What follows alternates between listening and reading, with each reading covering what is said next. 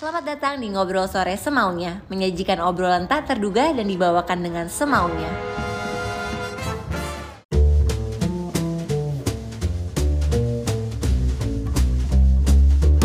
Selamat datang di Ngobrol Sore Semaunya bersama gue Putri Tanjung. Hari ini kita kedatangan tamu yang seru banget.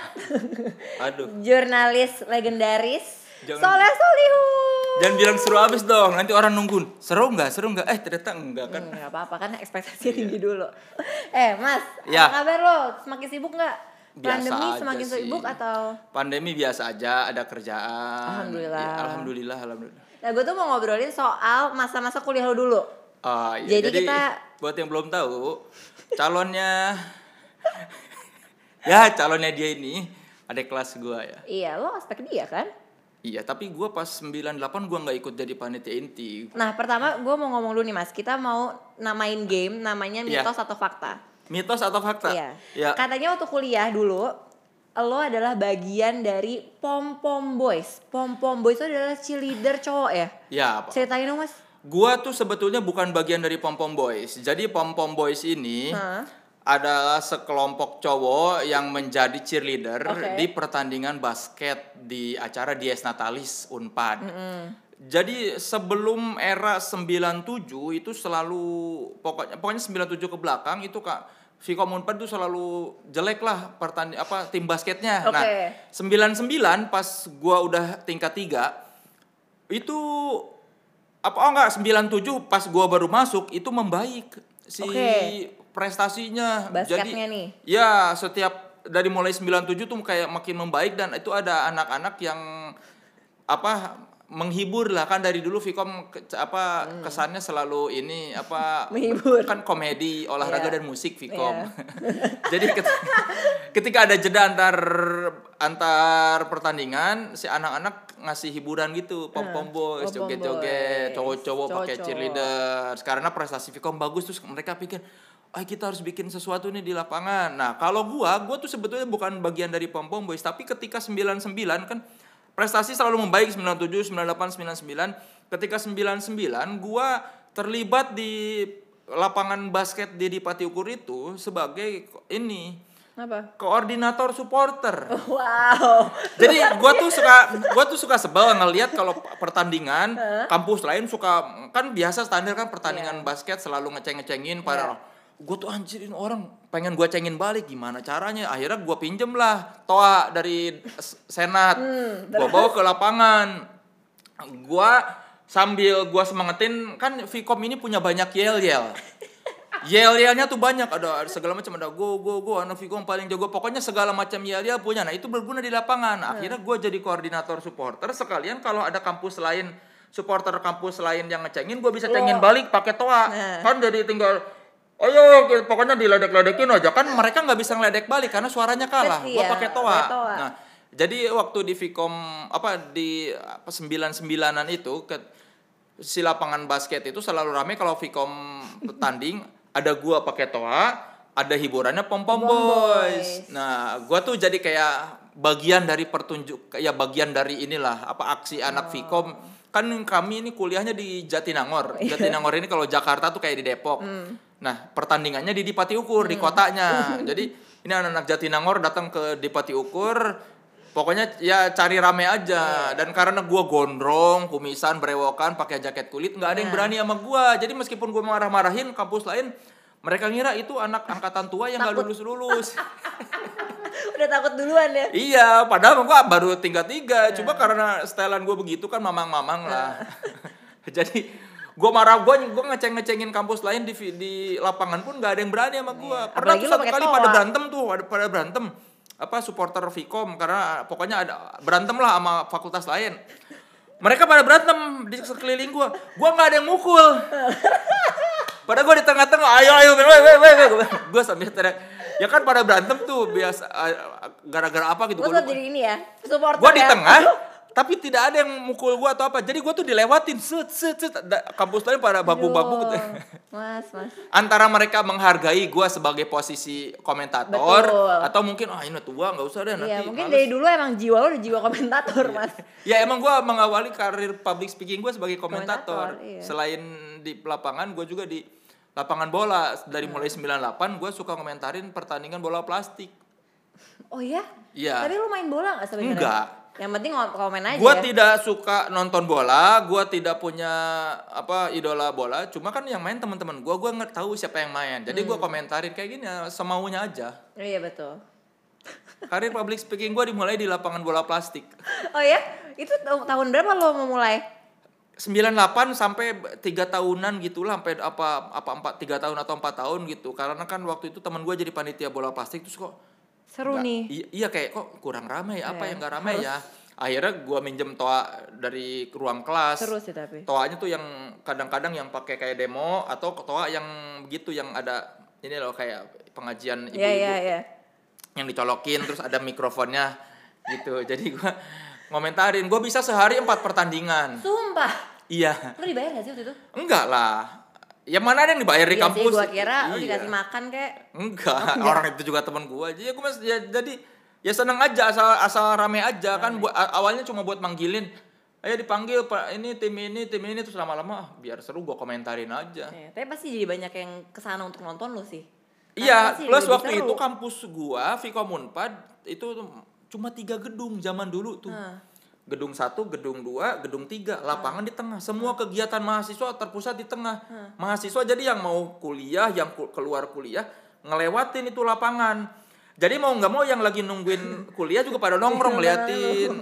Gedenan gara-gara gua jadi komentator bola gitu gua dianggap ngerti bola padahal iya, enggak. padahal enggak. tapi lu belajar dari mana mas? Enggak tahu ya insting kali ya. Langsung aja ya? Ka- kayaknya sih ya soalnya yang nggak tahu gue juga mungkin nggak tahu gue juga belajar dari mana ya. Mungkin suka nonton terus su- suka dengar suara. Kan gue tuh suka terpesona sama komentator-komentator bola sama MC tinju. Kan suka yang surat dari sudut berapa? From the blue corner ya. Gitu gitu ya gue tuh seneng yang apa yang heboh-heboh gitu. Tapi kayak kepercayaan diri lo itu muncul dari mana?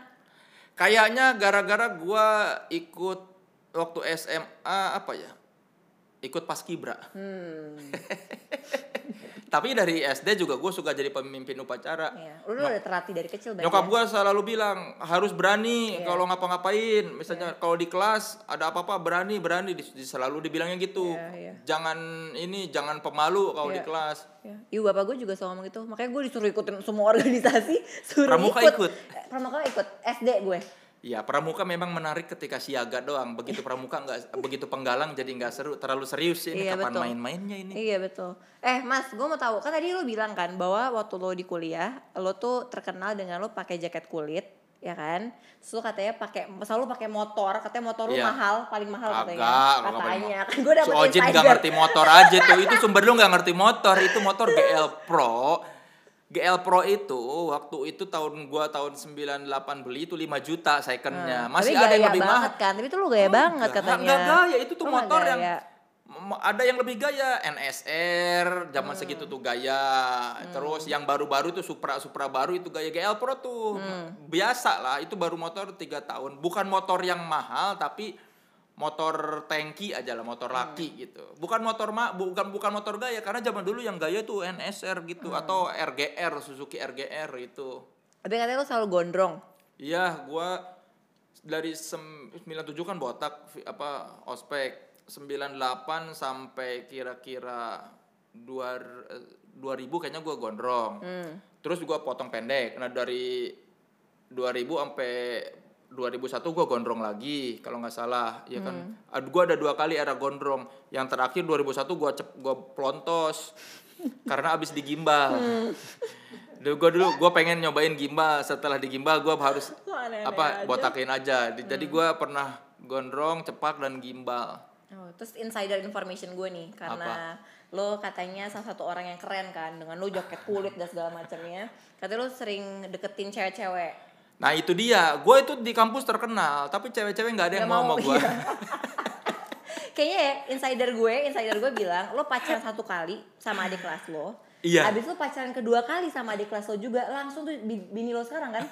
iya Hmm. iya gue pacaran sekali jadi gue tuh di kampus terkenal jadi yang siapa pun yang bilang popularitas ber ber apa berpengaruh terhadap mudah mendapatkan cewek tidak, Tidak. Tidak kalau lu terkenal tapi wajah lu mamang-mamang mah tetap aja gak ada yang mau, cewek juga. Meskipun lu terkenal di di Vkom Unpad tapi tetap aja gua gondrong, berewokan, pakai jaket kulit, Kulit. orang ngira nggak pernah ganti baju, tetap aja cewek juga. Ah, Popularitas bukan segalanya, tetap aja wajah yang utama. Terus berarti lu cuma Dua kali. Dua kali kan? Ya. Lu pacaran sama ya istri lu sekarang berarti berapa lama? 6 tahun. 6 tahun ya. Iya, gue cuma punya satu mantan. Cuma punya satu mantan. Gaya ya. Gaya banget. Ya karena ya nggak ada yang mau sih. Oke, next. Mas, katanya waktu kuliah lo pernah jadi vokalis. Gua punya band. band, tapi disebut vokalis rasanya kurang tepat. Tetapi gua frontman. Frontman. Jadi band gua ini Lalieur Lalulus Pargal. Oh. Ada tiga vokalis, Oke. dua temen gua sama satu gua. Kalau sebelum manggung gua menyapa penonton. Jadi gua ini pemimpinnya lah. Oke. Tapi begitu nyanyi gua minggir ke samping. Kayaknya temen lo. Yang ini temen gua, gue cuma backing vokal, nyanyinya rame-rame, jadi nggak ketahuan suara Aslinya fals. seperti apa? Jadi orang kadang yang cuma tahu di di band itu gua orang adik-adik kan gue itu bikin band itu 2002 diajakin teman gua. Ketika gua udah lima tahun kuliah, adik-adik kelas tuh cuma taunya si Lalieur Lalulus Paragel ini LRP ini gua yang lain nggak kenal siapa namanya kenal. karena gua yang selalu ngomong-ngomong ngoceng-ngoceng lucu tapi pas nyanyi gua melipir Itu lo nyanyi original song atau Kagak. cover? cover. Oh, tapi tapi kita punya lagu akhirnya waktu gue bikin film, Oh, gua iya? gua yakinkan produsernya Pak ini yang bikin lagunya band saya aja ya band kampus. Oh iya. Jadi itu lagu. Jadi silakan ca- lihat di YouTube ada balada Soleh Solihun. Hah? Soundtracknya mau jadi apa itu ada. Itu judulnya, mau jadi Iya. apa? Satu lagi di di film Reuni Z itu kita bikin juga lagu. Aku mau kamu tahu, aku mau kamu. Wow. Aku mau, Wow. kamu tahu, aku Singkat mau, kamu. sekali. Gampang diinget ya, Mas.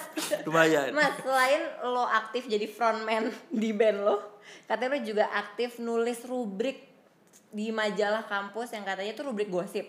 Nah, ya itu. Jadi kan 97 tuh gua masuk Vkom itu majalah serius-serius ya. Persma tuh senangnya yang serius di di Vkom Unpad ada dua majalah yang sudah ada duluan namanya Tabloid Jatinangor sama Faktum.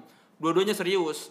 Faktum yang lebih serius, Jatinangor agak serius tap- tapi tetap aja bukan segmen gua karena gua nggak senang baca-baca berita politik atau hal-hal yang terlalu jauh lah mereka ngomongin apa politik orde baru, ngomongin ya pokoknya yang ber- yang menurut gua berat-berat. Berat-berat. Gue tuh selalu berpikir ini kenapa kok nggak ada majalah yang ringan ya di kampus. Maksudnya kan nggak semua mahasiswa tuh seneng demo, nggak Iya. semua mahasiswa aktivis. Iya. Ada juga yang mahasiswa yang hedon kayak gua gitu. Nah, 99 gue tuh cerita sama temen gua, ih kita daripada maksudnya daripada cuma bisa ngecengin doang, mending bikin. Kan kalau marah-marah atau ngeledekin doang tapi nggak ada ininya kan malah jadi orang yang banyak masalah ya. Iya. daripada cuma nge- ngeledek-ledekin gue bilang sama temen gue "Eh, gimana kalau kita bikin ini aja yuk? Bikin tabloid yang ringan aja biar apa biar jadi antitesisnya orang-orang yang serius itu. Biar kita ngasih tunjuk bahwa eh mahasiswa juga ada loh yang senengnya hura-hura senengnya en- entertainment. Iya. gue tuh sebetulnya terinspirasi dari buletin di masjid Jumatan.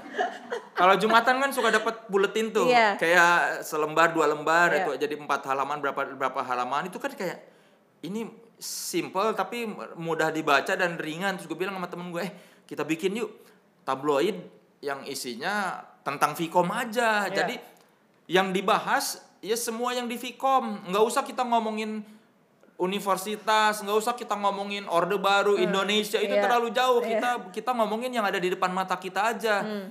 gue bilang kan di sini menarik nih di Vkom ini bandnya ada tim bolanya ada Hmm. mu- maksudnya film mak- apa olahraga ada musik ada ini kan yang apa dari zaman gua masuk tuh udah ada plesetan Vkom ini ilmu komedi olahraga dan musik tapi kok tidak ada media yang seperti itu Iya. adanya yang serius Nah, akhirnya gue ngajakin teman gue kita bikin yuk di fotokopi aja kita bikin yang entertainment yang isinya ada bercandanya ada olahraganya ada musiknya. Isinya kalaupun ada headline kita ngomongin yang terjadi di Vkom terus profilnya profil band-band. Vkom prof yang profil olahraganya olahraga Vkom tapi juga kita nge-review musik musik yang kita suka. Hmm. nge-review film film yang kita suka. Intinya Seru banget. bikin sesuatu yang kita suka aja. Iya. nggak usah mikirin orang lain. Iya. nah terus gua bilang sama temen gua terus kayaknya kita seru nih kalau kita bikin gua, apa bikin satu halaman satu rubrik isinya gosip gosip temen-temen. Si ini lagi deketin. Nah, ini ini, si ini Ini lagi deketin nih. ini. Kan kan memang suka bergosip ya kita. Gimana kalau ini kita kita iniin apa kita jadikan media? Kayak di luar kan kalau apa tabloid infotainment kan sudah ada tuh gosip artis deket sama ini Iya. kalau ini mah enggak ki- kita kita Di kampus. iya dan waktu itu kita pakai gayanya seperti ini nggak nggak disebutin siapa orangnya Oh, oke. tapi disebutinnya misalnya kalau lu P pemudi P kalau gua S pemudi S eh pemuda S Oh. jadi kayak tersangka. Jadi kalau ngomongin misalnya pemudi P disinyalir sedang didekati oleh pemudi E, eh, pemuda S. Karena ter- mereka terlihat berdua apa setiap pulang kampus selalu naik Berdua. mo- mobil berdua misalnya gitu-gitu. Jadi Iya, iya, gitu. Sumber terpercaya mengatakan wah sudah terjalin asmara sampai ke mana gitu. Jadi di dilebih-lebihkan. Tapi intinya yaitu jadi satu halaman terakhir itu orang suka baca duluan ini siapa yang digosipin nih. Iya. Pasti semuanya cemas-cemas. Iya kadang-kadang suka ada yang marah sama Iya, gua. protes lah pasti. Oh, jadi ketahuan dia lagi baru, baru PDKT belum jadian udah di, Udah udah dimuat. Jadi itu kelebihannya kan terus gua gua nyari nama yang agak yang sosok merangkum apa semua yang ada di majalah terus gua kepikiran namanya ini Karung Goni, kabar, ungkapan, gosip dan opini. Hmm. Ya ampun. Yang nulis lu?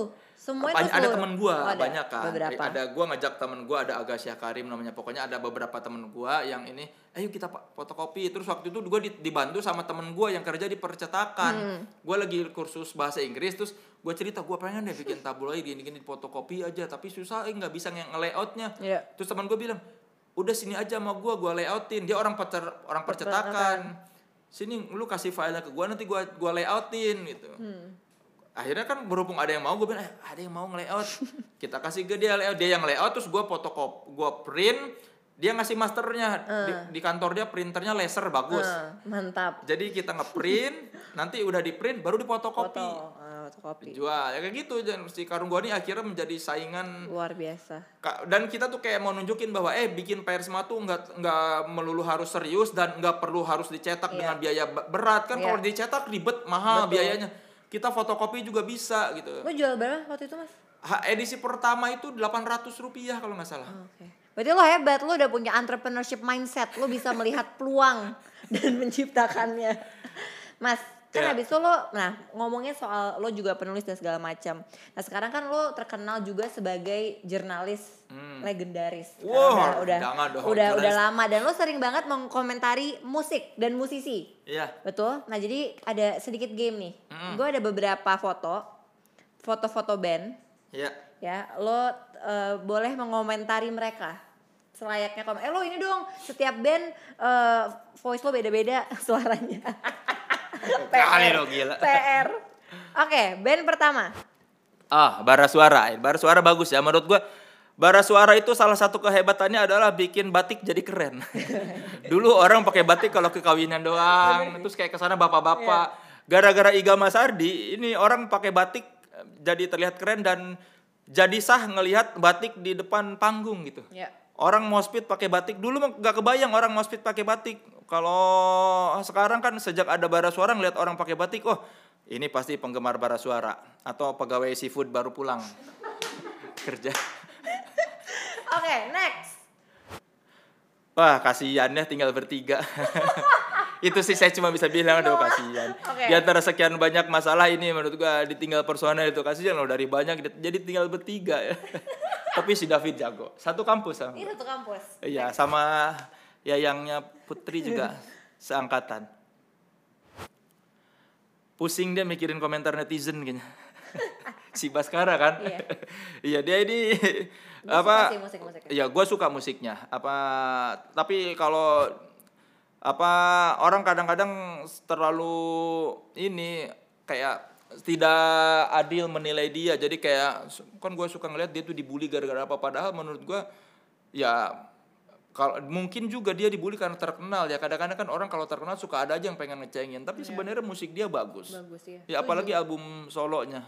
Lebih bagus album solonya kalau kata gua dari dari sisi lirik ya. Oke. kalau Fist itu di bandnya dia kayak terlalu mengawang-awang sih. Yang mau diomongin terlalu jauh ketika dia di Baskara dia personal banget gue sih lebih suka proyek solonya Solo. dia Oke, next.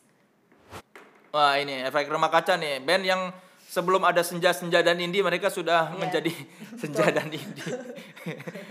ini efek rumah kaca ini menurut gua ini salah satu band yang pionir ya, Iya. membikin nama dari bahasa Indonesia dan panjang-panjang. Sebelum Oh, iya efek bener. sebelum efek rumah kaca kan eranya Good Night Electric, terus ada The Brandals, Iya. keren-keren Iya. pakai pakai nama-nama kayak Teenage Dead Star, pakai Hmm. the, the- terus ke barat-baratan lah. Iya. Tiba-tiba efek rumah kaca muncul. Efek rumah kaca itu kan lebih kayak judul skripsi atau apa gitu atau tesis gitu. Pengaruh efek rumah kaca Iya. terhadap kehidupan kita apa gitu kan. Kalau itu tiba-tiba "Hah, efek rumah kaca. Jadi Nggak- baru ya pada saat itu. Iya, kayak segar dan mereka membuktikan bahwa bisa bikin band pakai nama Indonesia dan panjang kan setelah efek rumah kaca terus tiba-tiba ada payung teduh. Iya. Terus tiba-tiba kan bara suara, angsa dan serigala. Iya, Ini yang pionir lah. Oke, Mas, dari semua title lo ya, Iya. lo kan presenter iya, stand up comedian iya, jurnalis iya, penyiar radio iya. Sebenarnya lo maunya dikenal sebagai apa dan sebenarnya lo paling enjoy ngelakuin yang mana, Mas? Kalau paling enjoy itu eh gue sih paling enjoy mengerjakan yang sedang gua kerjakan. Ketika gua jadi wartawan, gua paling enjoy jadi wartawan. Ketika gua harus menjadi stand up comedian, gua paling enjoy jadi stand up comedian. Ketika gua harus main film, gua paling enjoy main film. Jadi gua tidak pernah bilang gua paling enjoy di mana karena nanti bakal tidak adil ketik dan gua bakal tidak menikmati Iya. gua selalu apa dari zaman kuliah gua selalu pengen kerja di bidang yang gua cintai karena gua pernah tuh tahun 2002 gua kerja di tabloid ekonomi waktu masih kuliah di Bandung Itu itu pernah cerita buat ekonomi. iya itu gara-gara ada yang nawarin terus da- duitnya gede lumayan. Terus gua coba tuh enam bulan. Ternyata uang bukan segalanya. Iya. gua pikir dengan gua dibayar gede gua bakal bahagia. Hmm, tapi ternyata enggak. Dan sejak itu gua berkeyakinan oke gua harus kerja di bidang yang gua cintai. Iya. meskipun uangnya masih nggak seberapa ya waktu gua masuk jadi wartawan 2004 kan uangnya pas-pasan Iya. itu tapi gua mencintai pekerjaan itu Iya. jadi dengan duit pas-pasan pun tidak masalah karena gua cinta pekerjaan ini Iya.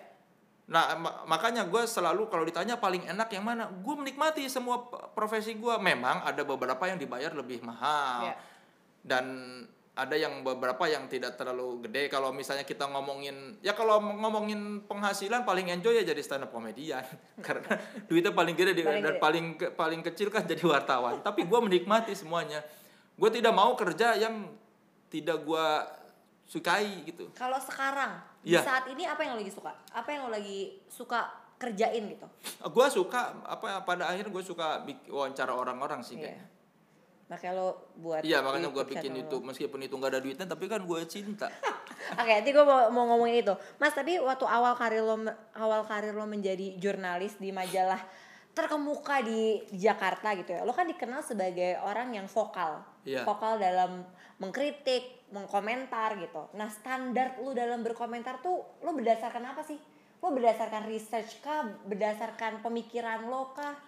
Begini, yang namanya kalau kita ngomongin kritik musik Iya. ataupun review ataupun apa pun itu sebetulnya kan subjektivitas si pemberi opini atau Betul. pengulas. Cuma kan yang jadi pertanyaan apakah subjektivitas yang mengemukakan opini itu bisa dipertanggungjawabkan atau tidak? Iya. Kita ketika menilai sesuatu kita harus punya backgroundnya kan. Betul. Jadi nggak bisa cuma bilang ini enak atau ini enggak. Apa? harus ada Iya, alasannya. sama kayak kalau misalnya kita ngomongin, "Hey, nasi goreng ini enak." Enaknya kenapa? Iya.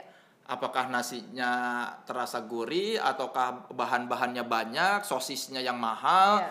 terus misalnya kerupuknya kering semua atau ini minyaknya nggak terasa. Jadi kan kita bisa kalau ketika menilai sesuatu tuh harus ada dasarnya dan jangan asal "Ah, nggak suka gitu Betul. ya patokan gue itu aja maksudnya ya ya berdasarkan apa referensi dan ya latar belakang yang ada aja. Jadi kalau kita menilai sesuatu kita harus bisa tahu bahwa yang kita nilai itu kita udah ngerti itu aja Iya, sih. Tapi pasti subjektif gak sih mas? Karena kan Memang. itu opini lo kan. Iya. Tapi lo lo berdasarkan research dan referensi yang lo punya. Iya, kalau ada yang bilang, "Wah, review lu nggak objektif." Ya review mah harus subjektif. Subjektif. Jadi orang salah kaprah ketika bilang lu menilainya tidak objektif. Ya kalau yang namanya menilai kan harus subjektif. Iya. Berdasarkan lo, lo Iya, terserah ma- apakah orang lain mau menerima atau enggak, ya itu kan kembali kepada argumennya. Iya. Tapi kenapa sih mas dulu lo pengen jadi jurnalis? Karena ternyata itu doang yang gua bisa. Enggak, Apa skill yang terpenting yang lo harus Gini, punya? gini, jadi gua tuh kan dari dulu gua nggak pernah tahu gua pengen jadi apa. Iya. Makanya gua pi- dibikin di film mau jadi apa tuh, gua cerita tentang itu. Gua nggak pernah tahu gua mau jadi apa. Sampai akhirnya gua di kuliah di Vkom Unpad dan pada 99 gua memilih jurusan jurnalistik. Oke. Awalnya gua memilih jurusan jurnalistik pun karena Iwan Fals pernah kuliah di jurnalistik, di Iya. publisistik. Terus jaket himpunannya keren. Terus Superman kan wartawan. Iya. Terus kayaknya kayaknya sih seru ya. Ya udah gua Iya. ambil aja jurnalistik. Eh ternyata gara-gara gua kuliah di jurnalistik gua dipaksa sama sama dosen namanya Pak Sahat Sahala Tua Saragih nih. Pak Sahala ini cuma ngajar empat mata kuliah wa- wawancara, penulisan artikel, pelaporan mendalam sama eh, penulis tadi apa? Wawancara oh sama feature. Wawancara artikel feature sama pelaporan mendalam. Empat mata kuliah doang tapi dia yang menumbuhkan kecintaan gua pada menulis si Pak Sahala ini. Eh ternyata menulis itu menyenangkan loh. Sebelumnya gua nggak nggak tahu bahwa menulis itu sebegitu menyenangkan. Wa- walaupun lagi kecil gue suka baca tapi ya bacanya juga ba- cuman baca-baca yang gak serius. Tapi gara-gara pas salah gue mendapatkan kenikmatan bahwa menulis itu menyenangkan terus akhirnya ya udahlah gue jadi wartawan aja plus karena gue sukanya baca berita musik jadi gue ya udah gue jadi wartawan musik aja gue nggak mau jadi wartawan harian atau wartawan berita majalah berita karena gue nggak suka berita-berita seperti itu Iya. Dan lo juga menyuarakan suara masyarakat juga nggak? Iya, plus langsung. Enggak, gua gua sih sebetulnya gini, gua tuh gua males baca berita politik, bikin pusing kan Iya. terus kayak oh, orang-orang pada ya apa kadang-kadang suka pada berantem atau apa. Kalau di musik kan ya udahlah kita semua senang-senang, paling juga berantem cuma gara-gara nggak nggak ada yang nggak terima karena dibilang jelek atau nggak di Pernah kan lo kena? Iya. Jadi ya udah akhirnya gue pengen jadi wartawan musik aja sel- selain karena eh ternyata bisanya itu. Terus pas lulus ditawarin sama temen gue, "Leh mau nggak kerja di sini?" Ya udah kerja, kebetulan aja. Nah, gue mau tau dong mas, selama lo jadi jurnalis ya, selama karir lo nih menjadi jurnalis, em, pelajaran apa yang menurut lo paling paling berharga selama lo berkarir sebagai jurnalis? Pelajaran paling berharga adalah bahwa fakta dan data itu sangat penting dan kita jangan salah kutip terus jangan mem- apa jangan menyebarkan sesuatu kalau memang belum diketahui kebenarannya. Iya. Sebelum orang sekarang bilang rame apa jangan sebarin hoax, jangan sebarin hoax itu selama jadi wartawan gua b- apa punya pelajaran itu bahwa kalau kita menyampaikan sesuatu yang sudah terbukti kebenarannya orang juga nggak ada alasan buat apa protes atau apa Iya. jadi intinya itu jadi se- selama gua jadi wartawan pe- pegangan gue itu bahwa kalau yang kita sampaikan itu benar adanya sesuai fakta dan data nggak usah takut Iya. Nah, Mas, gue tahu pasti menjadi seorang wartawan, menjadi jurnalis itu kan butuh proses yang panjang untuk lo bisa dianggap kredibel. Iya. Nah, tapi sekarang dengan dunia digital, semua orang tuh udah bisa jadi jurnalis. Dengan mereka bisa speak up, bisa komentar, bisa melakukan apa pun di social media Iya. gitu. Nah, lo melihat fenomena shifting ini gimana pendapat lo? ya wajar karena kan media baru terus Iya. apa semua orang punya kesempatan berbicara dan ya makanya sebetulnya menurut gua di saat sekarang semua orang bisa berbicara apa adanya apa semua orang bisa bebas berbicara semaunya itu kita harus pilih-pilih dulu kalau kita lihat media sosial kalau Iya. jangan asal telan omongan orang kita harus lihat dulu ini orang yang ngomong siapa. Terus ap- apa bagaimana latar belakang dia. Jangan kita kadang-kadang kita belum apa apa udah share wah ini seru nih. Terus ternyata nggak bener. Atau kal- kalau misalnya ada orang apa nge-tweet sesuatu yang kayaknya kontroversial oh kita main share share Iya, aja. iya, kita iya, iya. Nggak lihat dulu kredibilitas orang itu. Iya. Kadang-kadang kita suka lupa buat menyaringnya cuma Harus karena pilih-pilih. Iya, cuma karena orangnya ini followersnya banyak, kita main share-share aja. Jadi Iya. kalau kata gua mah, ya yang namanya orang bebas berbicara di era sekarang ini sudah tidak bisa dihindarkan. Betul. Jadi gimana kitanya Iya, sebagai pembaca. Iya, sebagai pembaca harus filter. Betul. Ini orang siapa? Iya. Jangan main asal terima aja omongan dia atau jangan main asal share atau jangan langsung emosi. Maksudnya Iya, kita dan kadang-kadang suka-.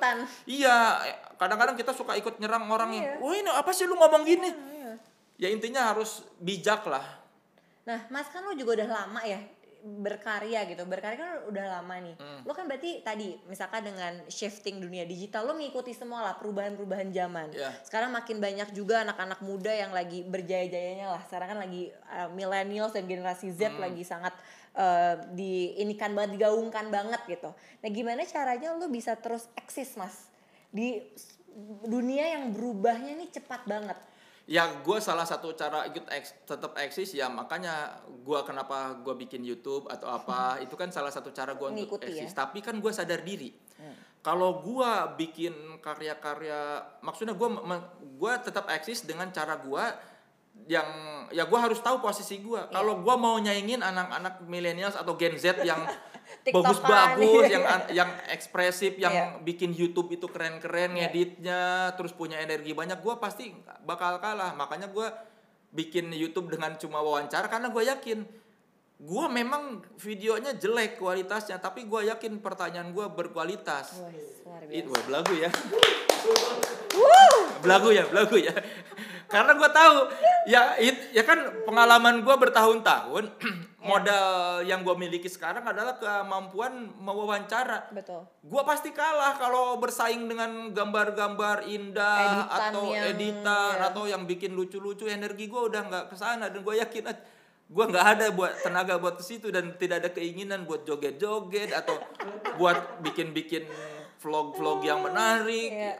Gua juga cak males belajar ngedit-ngedit. Jadi ya udahlah gua tahu gua bisa eksis di media sosial dengan kemampuan yang yang miliki. punya. Makanya gue bikin wawancara karena gue tahu nih banyak kon apa vlog-vlog atau yang lebih bagus di YouTube tapi kan gue bisa bersaing dari sisi daya tarik wawancara Luar biasa. belagu ya Mas, Mas Oleh lo memandang generasi muda Indonesia sekarang seperti apa?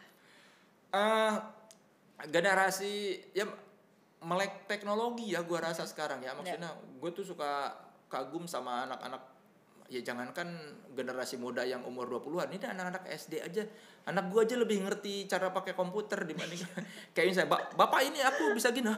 ternyata dia bisa padahal dia baru belajar kemarin misalnya Iya. dari sekolahnya dia bisa kayak apa gue aja kadang-kadang sampai sekarang suka masih bingung cara misalnya dia ngasih tahu nih "Ba- bapak ini bisa dibikin screennya jadi kebelah gini Wow. apa jadi menurut gua mungkin anak-anak sekarang lebih cepat mengadaptasi perkembangan teknologi dibandingkan gua Iya. gitu. ya nggak tahu sih oh, yang seumuran gua yang lain tapi kayaknya sih sama juga suka pada bingung ini gimana ya Iya sih, karena udah berubahnya cepet banget mas. Jadi Iya. harus super adaptif kita. iya gua rasa anak-anak sekarang ini lebih cepat apa menghadapi perkembangan teknologi? Nah mas, ngomongnya soal perubahan yang cepat banget terjadi. Ada nggak sih perubahan yang lo sayangin terjadi?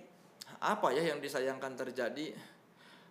Ini kali gue menyayangkan perubahan dari apa benda fisik ke digital. Hmm, kenapa? gue orangnya pengagum rilisan fisik apa kayak CD, vinil, buku memegang itu memiliki Ya, kalau tidak memegang itu kayaknya tidak memiliki kayak lu punya langganan streaming digital Iya. punya banyak lagu meskipun lu langganan tapi kan itu lu tidak punya iya. Lo nggak bisa megang, nggak iya tangible. kayak lu punya cloud bisa bergiga-giga nyewa sampai bertahun-tahun tetap aja kayak nggak ada jadi Iya. sayang aja kalau kata gue kayak ada kenikmatan tersendiri ketika lu baca buku Iya.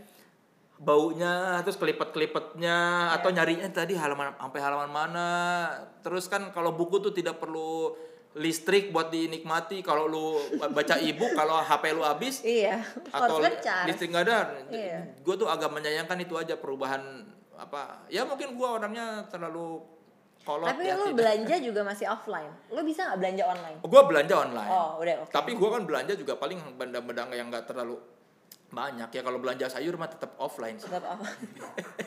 Tapi jujur ya, gue walaupun gue termasuk millennials ya, gue jujur gue lebih suka belanja offline. Karena tadi itu gue nggak bisa megang, gue nggak bisa ngeliat bahannya seperti apa dan segala Iya. macamnya. Jadi gue masih enjoy dengan Iya Ya, bahkan gua aja foto masih gua cetak-cetakin. oh ya, Jadi kalau udah penuh nih, misalnya udah banyak gua HP gua pindahin ke hard disk. Nanti kalau misalnya komputer penuh ke hard disk nanti gua pilih-pilihin. Ya. Gua cetak-cetakin. Jadi selain gua punya file digitalnya, gua ada bendanya bendanya. yang bisa dilihat Ya, bahwa gua punya foto ini ya. gitu. beda sih itu rasanya. Iya kan Ya. kalau udah foto kan kayak 20 tahun kemudian masih ada kalau hard disk takutnya nanti dia crash hard disknya atau cloud lu dicuri orang. Lu nih. eh, Mas, ngomongin soal YouTube sekarang. Eh, YouTube lo yang ikonik ya kan dengan cara pembawaan eh, lo yang ikonik. Nah, kenapa lo nggak? Gue dengar katanya Iya. lo tidak memonetize YouTube lo. iya. Katanya itu cuma untuk kenang-kenangan lo aja. Kenapa? Padahal kan viewers lo banyak, subscribers lo banyak. Gua tuh pada saat 11.000 subscribers udah pernah dimonetize. Oke. Dapat dua kali gua udah dapat dua kali duit dari YouTube. Hmm. Yang pertama 1,2 yang kedua 2 juta tuh. Alhamdulillah ya. alhamdulillah eh, ada dapat 2 juta gua. Tiba-tiba bulan ketiga gua dapat email. We suspect there is invalid activity on your channel. Hmm. Tapi tapi dia bilang tapi kita nggak bisa ngasih tahu kesalahan lu apa karena gimana? etikanya Oh, etika dia oke. bilang tapi kalau lu nggak merasa bersalah silahkan klik link ini buat appeal Oke. Lo klik. gua klik nah di appealnya itu ada satu pertanyaan yang gua tidak tahu jawabannya please copy paste the link yang kira-kira gua salah Lo gak tahu ya. gua kagak ngerti gua orang baru maksudnya baru 11.000 subscribers plus sampai sekarang juga gua nggak ngerti apa kesalahannya tuh suruh itu kayak jadi kayak lu salah minta maaf Pak Boga ya tapi gua nggak bisa ngasih tahu Salah salahnya lo apa? iya Bingung juga lo. kan gua nggak ngerti salah gua Iya. apa akhirnya dia bilang ini kalau tidak di appeal bakal disuspend akun AdSense lu selamanya katanya Waduh. Iya akhirnya udah disuspend akun AdSense gua. Mas. Iya jadi itu udah udah sampai sekarang nggak ada ya. Udah biarin aja lah. Orang katanya kalau mau bikin lagi harus dari nol. Iya. males Bikin ya. channel baru ya udahlah gua rezeki bukan dari AdSense doang dari iya, Allah dari mana-mana rezeki. iya. Nah mas ngomongin soal YouTube, apa sih yang membuat lo senang wawancara orang? Apa yang membuat lo senang mendengar cerita orang? Menyenangkan ya punya punya dengar banyak cerita tuh kita jadi punya insight. Iya. Antara kita dapat wawasan baru, Baru. antara kita dapat apa pengalaman baru atau kita bisa jadi lebih bersyukur atau kita bisa jadi tahu kehidupan orang itu ternyata tidak seindah yang kita kira kadang-kadang Iya. kayak gitu Iya. karena ketika wawancara ya kita punya denger punya kesempatan dengerin cerita orang jadi ya setiap cerita manusia pasti berbeda dan Beda-beda. ada yang bisa diambil peng- apa sesuatu yang berharga jadi itu menyenangkan Cerita siapa yang pernah lo interview yang masih berkesan sampai sekarang buat lo? Yang paling berkesan itu Vincent Rompis Hmm, kenapa? dia itu berbeda dari yang kita lihat di TV. Dia kan ceria-ceria, Hmm. Iya. tapi ternyata kan dalam hatinya tuh apa di balik semua kejadian itu dia menyimpan kayak apa tidak seceria itu orangnya Iya. gitu. Orang kalau terlihat paling ceria di depan layar kaca sebetulnya banyak psikologisnya kayak kan si Vincent Iya. itu ternyata orangnya ter apa serius, so dia nggak mau diidolakan. Kan Hmm. kita pikir di, di, di- diidolakan itu kan rasanya menyenangkan, Menyenangkan. ternyata dia nggak mau. Apa popularitas itu ternyata buat dia tidak enak. Dia tuh tidak menikmati popularitas itu sebetulnya kayak apa meskipun dia di TV senang-senang, Iya. ketawa-ketawa tapi dia sebenarnya nggak mau dianggap sebagai idola pengennya ya. udah dia cuma pengen menghibur tapi jangan diidolakan kan kayak gitu. Jadi maksudnya eh, ini barulah kayak wawasan baru. Kan orang-orang seba- kan sebagian besar eh, selebritis se- sepertinya menikmati ya Betul. popularitas. Tapi Iya. kalau si Vincent tuh tidak. Bahkan keluarganya aja nggak mau di expose karena Iya. keluarganya merasa terganggu Ya. Jadi lo melihat sisi lain ya. Nah, Mas, kalau tadi kan yang paling berkesan, siapa yang lo pingin banget interview belum lo dapet kesempatan untuk interview? Iwan Fals Oh Iwan Fals ya. Itu Iya. bakal seru banget sih. Iya itu idola gua dari dulu belum ada waktunya aja kayaknya gua udah pernah bilang sih ke Mas Iwan yang minta wawancara tapi kayaknya belum ada waktunya deh Ya semoga secepatnya, Mas. Iya gue sih udah sering nanya sama anaknya Lo tagih terus ya, lo tagih terus. Mas, selama lo berkarir dan dalam perja- dalam sehari-hari lo lah, value apa yang selalu lo pegang? value yang selalu gua pegang itu jangan tinggalkan sholat. Oh, ya. dari tuh, dulu. Pesan tuh. orang tua gue cuma dua. Jangan tinggalkan sholat dan jangan mabok. Oh ya iya. Sampai sekarang lo masih ngingetin gitu nggak? Iya. Oh, iya. jadi pesan orang tua gue buat pergaulan cuma dua kamu jangan ninggalin sholat dan jangan mabuk gitu. Iya. udah itu aja. Karena gue yakin sih kalau lu nggak ninggalin sholat minimal kan kalau sholat lu bener lu jadi baik sama orang. Betul. Lo selalu bersyukur lo selalu mengingat. Iya, ya kalau sholatnya bener kan kalau ka- kata guru ngaji, sholat itu tiang agama. betul. Kalau tiangnya bener berarti bangunannya kokoh. kokoh betul. Iya nyokap bokap gue sampai sekarang pun juga masih selalu ingetin untuk selalu sholat. Iya. ya itu penting sih. Nah mas kita ngomongin soal legacy ya kan lo udah lama di industri kreatif kalau misalkan lo nanti udah nggak ada apa sih yang pingin orang-orang ingat dari lo legacy apa yang lo pingin tinggalkan Eh, gua pengen orang-orang mengenang bahwa kalau lu ingin berkarya berkaryalah, jangan takut Ya. sama omongan orang. Selama tidak menyebarkan kebohongan atau merugikan orang lain, berkaryalah. Jangan takut dibilang jelek. ya karena itu yang sudah gue lakukan dari zaman kuliah gue Iya. bikin karung goni kan kalau orang kalau kalau kalau gue zaman dulu mikir terlalu panjang oh nanti takut dibilang jelek. Iya. Tulisannya Nggak akan jadi. iya nggak akan jadi jadi. Iya. masa cuma difotokopi burem hasilnya fotonya nggak jelas Iya. tulisannya jelek. Kalau terlalu banyak pertimbangan mungkin gue nggak akan bikin itu. Jadi gue pengen dikenang sebagai orang yang ya udah kalau lu mau berkarya berkaryalah. Selama tidak menyakiti orang atau tidak menyebarkan kebohongan nggak usah takut. Oke pertanyaan terakhir. Ya ngobrol sore semaunya kan akan ada di YouTube selama lamanya coba dong lo kalau Iya. misalkan Soleh Mas Soleh Solihun lihat lagi nih lima tahun ke depan nonton lagi ngobrol sore semaunya iya. lo mau menyampaikan apa? Halo. Diri lo lima tahun ke depan. Halo saya di lima tahun ke depan. Saya tidak yakin kamu nonton YouTube. Karena kamu kan jarang nonton.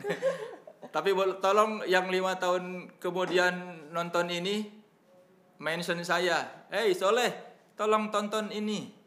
Apakah kak perut kamu masih buncit? Ya semoga apa ya go saya cuma bisa bilang halo saya semoga saya kok semoga saya? Semoga kita atau semoga kamu tetap bahagia ya. Amin. Apa pun yang terjadi tetap bersyukur. Amin. Itu saja. Ya ya Udah? apa love love saya Terima kasih Mas Soleh, Iya. thank you so much. Terima kasih teman-teman yang udah nonton. Jangan lupa untuk terus nonton ngobrol sore semaunya setiap hari Kamis jam 6 sore hanya di CXO Media dan bisa dengerin full versionnya di Spotify. Bye-bye. oh ini ini nggak full version